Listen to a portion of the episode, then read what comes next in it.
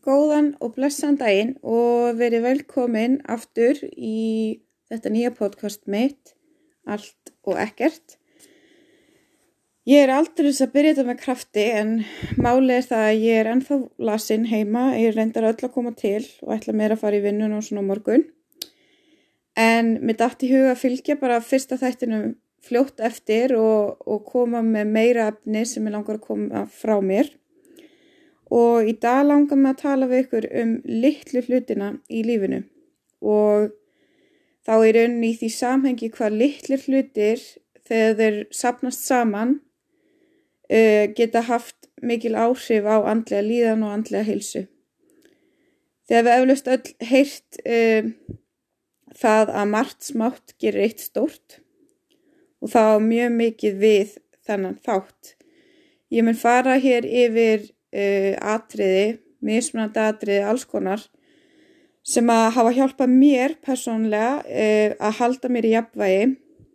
Og í síðasta þætti var ég mjög opinn um það að ég nota lif við mínum geðsugdóm og þau hafa hjálpað mér mjög mikið en það er ekki nóg, það er bara alls ekki nóg af því að uh, lifin komaður í rauninni bara upp úr, ef, sko, upp úr eh, kannski dýfstu hólunum en til þess að halda mann á floti þá er það akkurat þessi hlutir sem að skipta svo rosalega miklu máli hef ég fundið á einskinni og það er svona langar með að deila þessu með ykkur í dag. En það er nefnilega fyrir mér óbúslega mikilvægt að taka ábyrð á eigin lífi og eigin heilsu og ekki leifa neikvæðu hugsununum og röttunum í höðun okkar að taka yfir.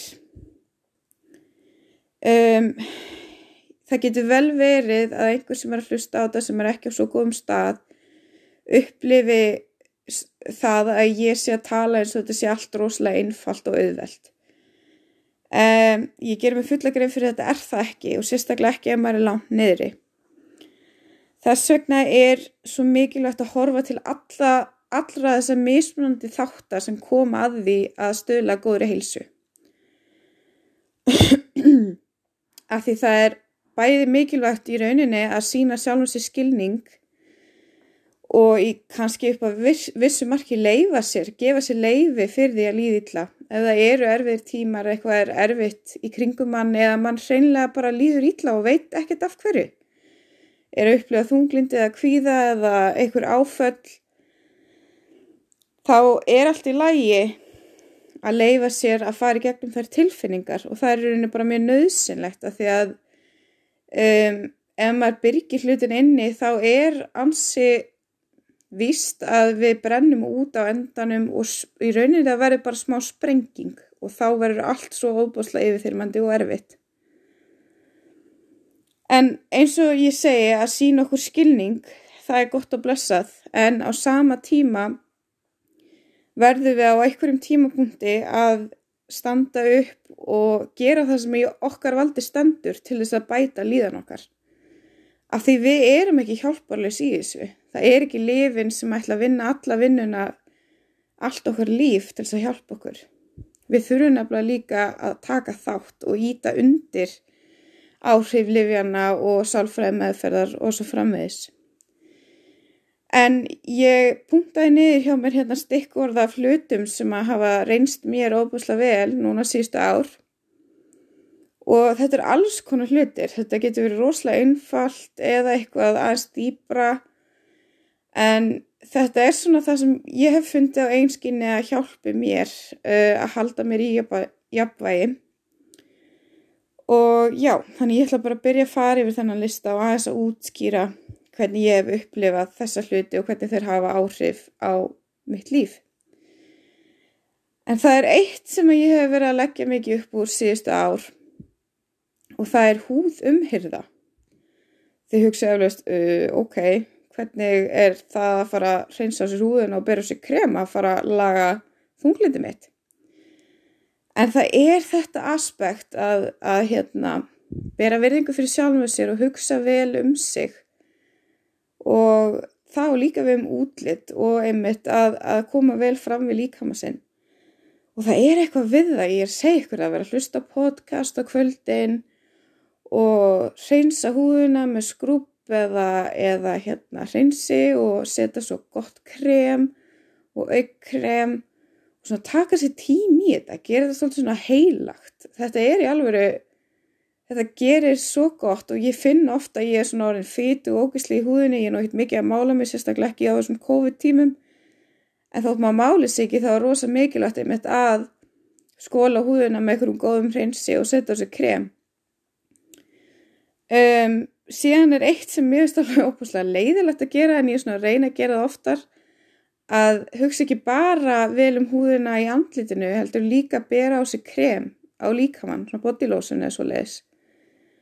Og ég hef fundið ángríns að svona ef ég fer kannski heitt bað og kemur úr baðinu og fer að bera með krem bara það að svona strjúka líkamann þið veitu gera þetta rólega og svona hálfpartin gefa sér nutti í leiðinni og hérna bara svona kunna meta bara svona já bara þú stendiði vel líka mig þú veist þetta getur verið svolítið svona huggandi fyrir mér ég veit ekkert hvort það ykkur upplöðu þetta eins en bara svona strjúka rólega yfir öll svæði líkamanns og leifir sér svo svona smegjast inn í húðina, þú veist, ég veit ekki, þetta er eitthvað við þetta.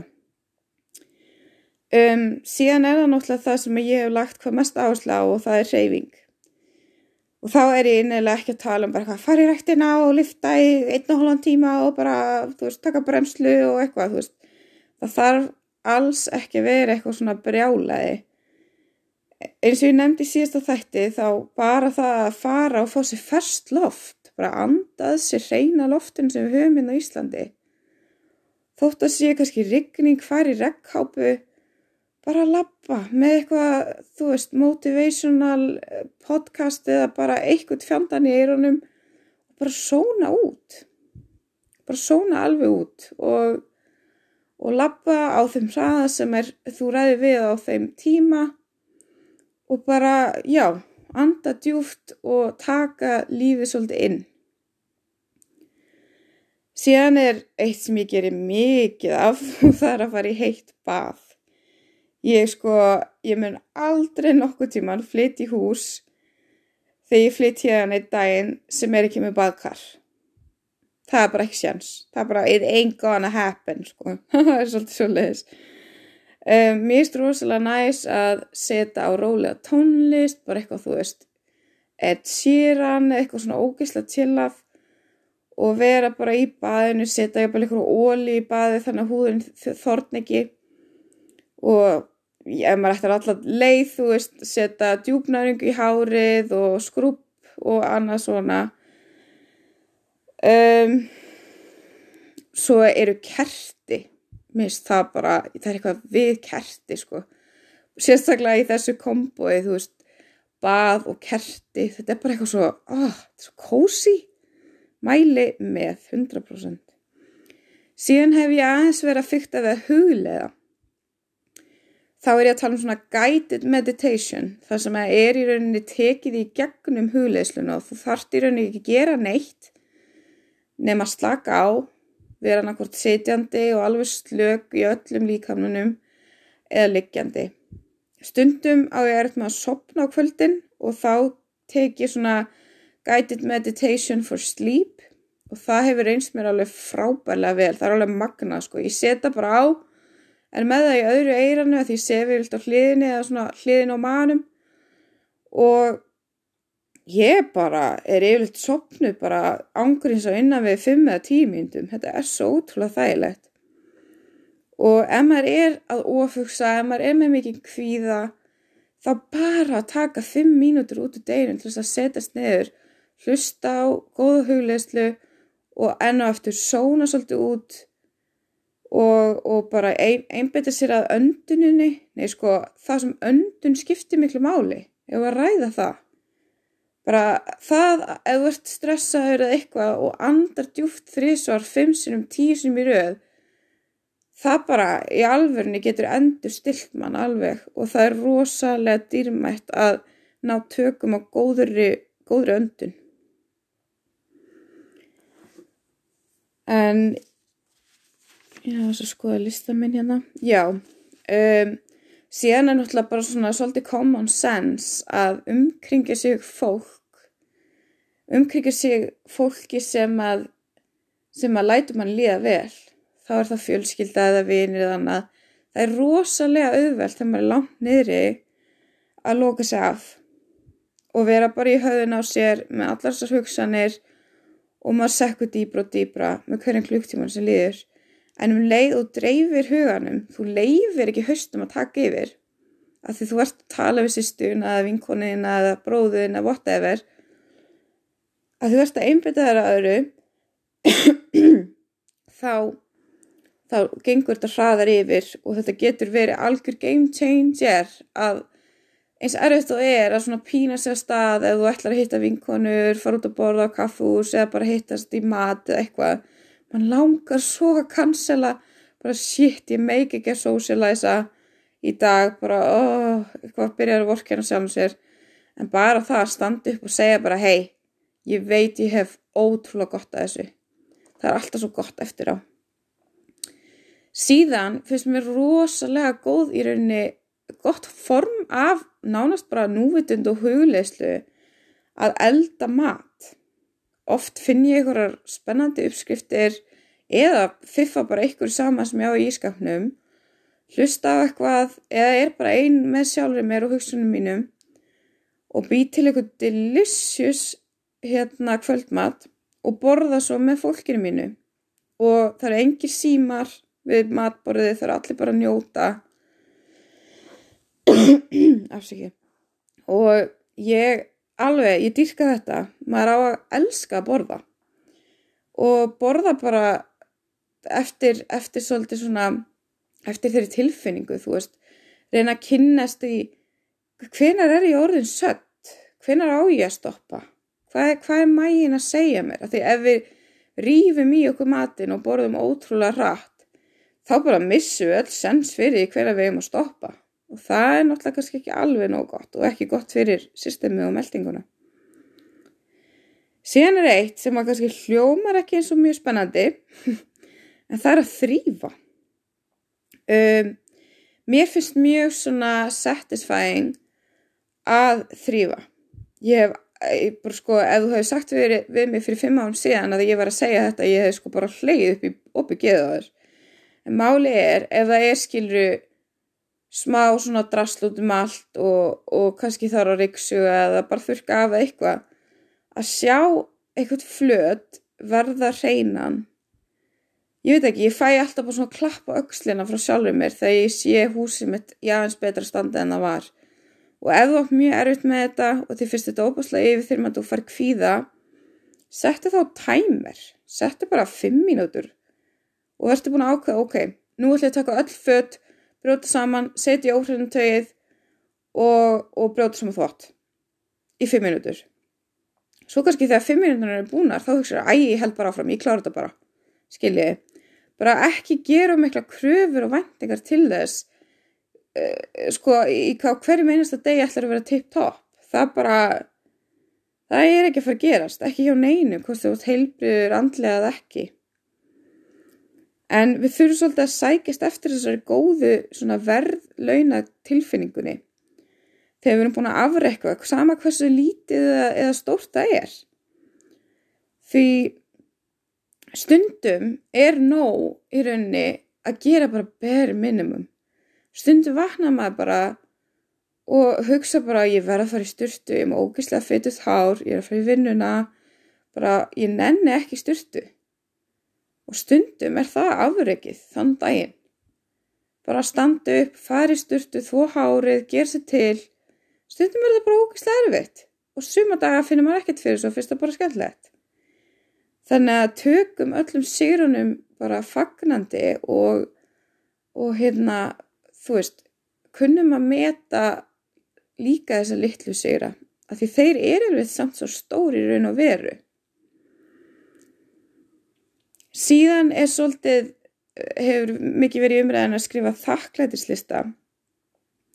Ég er svo sem gerir lítið að því að skrifa listana, en ég skrifa hann svolítið í huganum mínum. Ef ég er að bara drukna ykkur í neikvæðni, þá hugsa ég alltaf um hvað það er dýrmætt að eiga heilbritt barn og ja, indislegt og skemmtilegt og fyndi barn og ég á og að eiga frábæran kærasta sem hefur reynst mér svo vel og, og fjölskyldu, þú veist það er svo margt gott, eins mikið og maður sér allt svart þá þarf maður að bakka tilbaka og hugsa já, byrju, þetta er samt ósla næs. Þannig að já, ég mæli með því að fara í gegnum þetta þakklæti bara alltaf þegar þið finnst þú verið að sökva síðan er eitt sko. Um Mér finnst mjög mikilvægt að segja ástvinnum að við elskum þá og kunnum að meta sambandi við þá. Ég er svolítið alveg upp þannig að maður sýnir það í verki. Það er rosa mismandi bara eftir fjölskyldum og kynnslóðum og allt svo leiðis.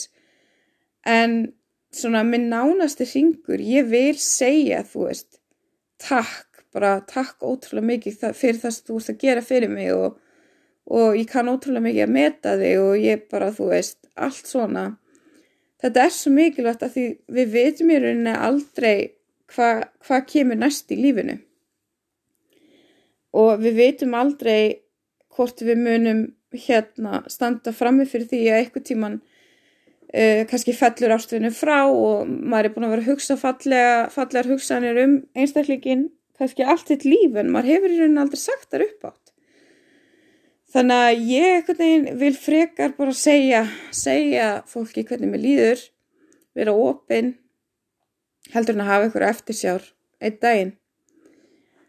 Síðan er eitt um, sem getur gert mikið er að plana eitthvað skemmtilegt. Það þarf ekki að vera eitthvað rosa fancy eða stórt. Þú veist, date night með, með hérna maga, þú veist.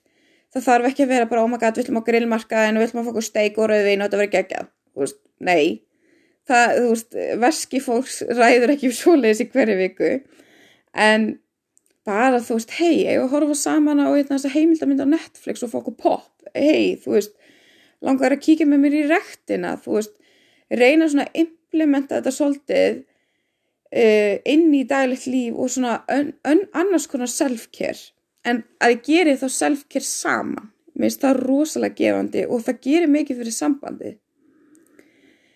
Svo er eitt, ég er nú svona stelpa að mér finnst undir venlega kringustæðum rosalega gaman að mála mig og ég á fullt fullt af fötum, ég raun og vera á ég alltaf mikið af fötum, en það er annar mál. Um, en í núna í COVID-inu þá eru tilefni til þess að gera sér til ansi fá. Ég er nú þannig að ég er bara rosalega ánæg með mitt eigið, mitt eigið útlýtt ánfarða og allt svo leiðis mér finnst þetta reynilega bara mjög skemmtilegt í raun og veru þannig að ég hef bara verið að mála mér unni fyrir eitthvað fín tilefni. Ég er ekki típun sem gera eitthvað dagstæðilega en stundum vakna ég, ég hef gert það síðustum ári, ég vakna bara oh my god hvað ég verða að mála mig.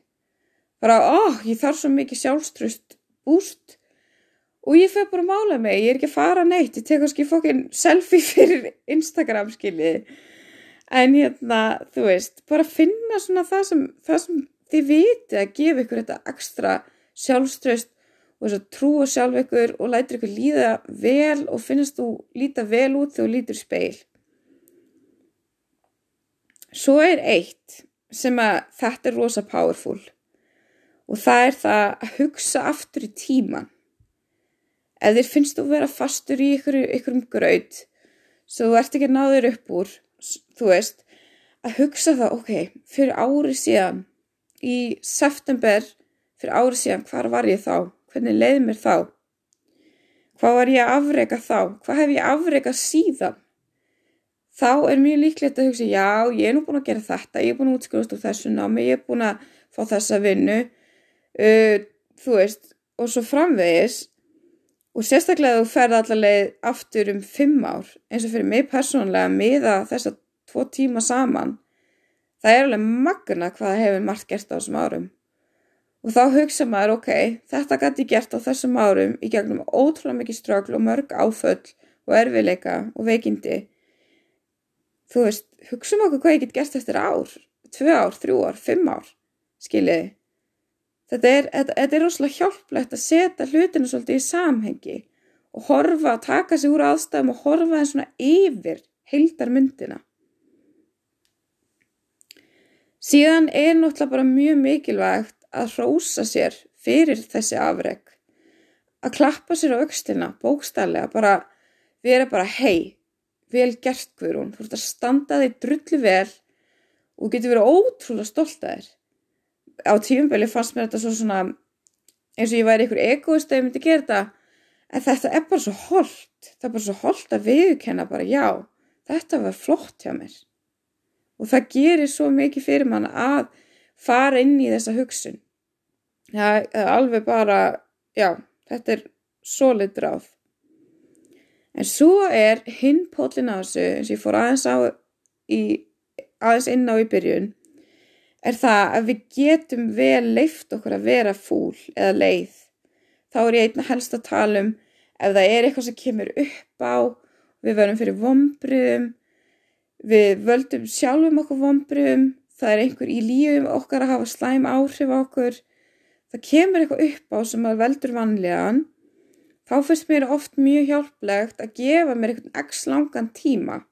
Til þess að vera bara í fóki fílu, ásaki orðbræði, um, vera bara í fílu og hugsa bara ok, nú klukkan þrjú á förstu degi, ég ætla að leifa mér að vera í fílu þanga til ég fer að sofa. Þá ætla ég að hugsa að nýr dagur á morgun og hann verður góður.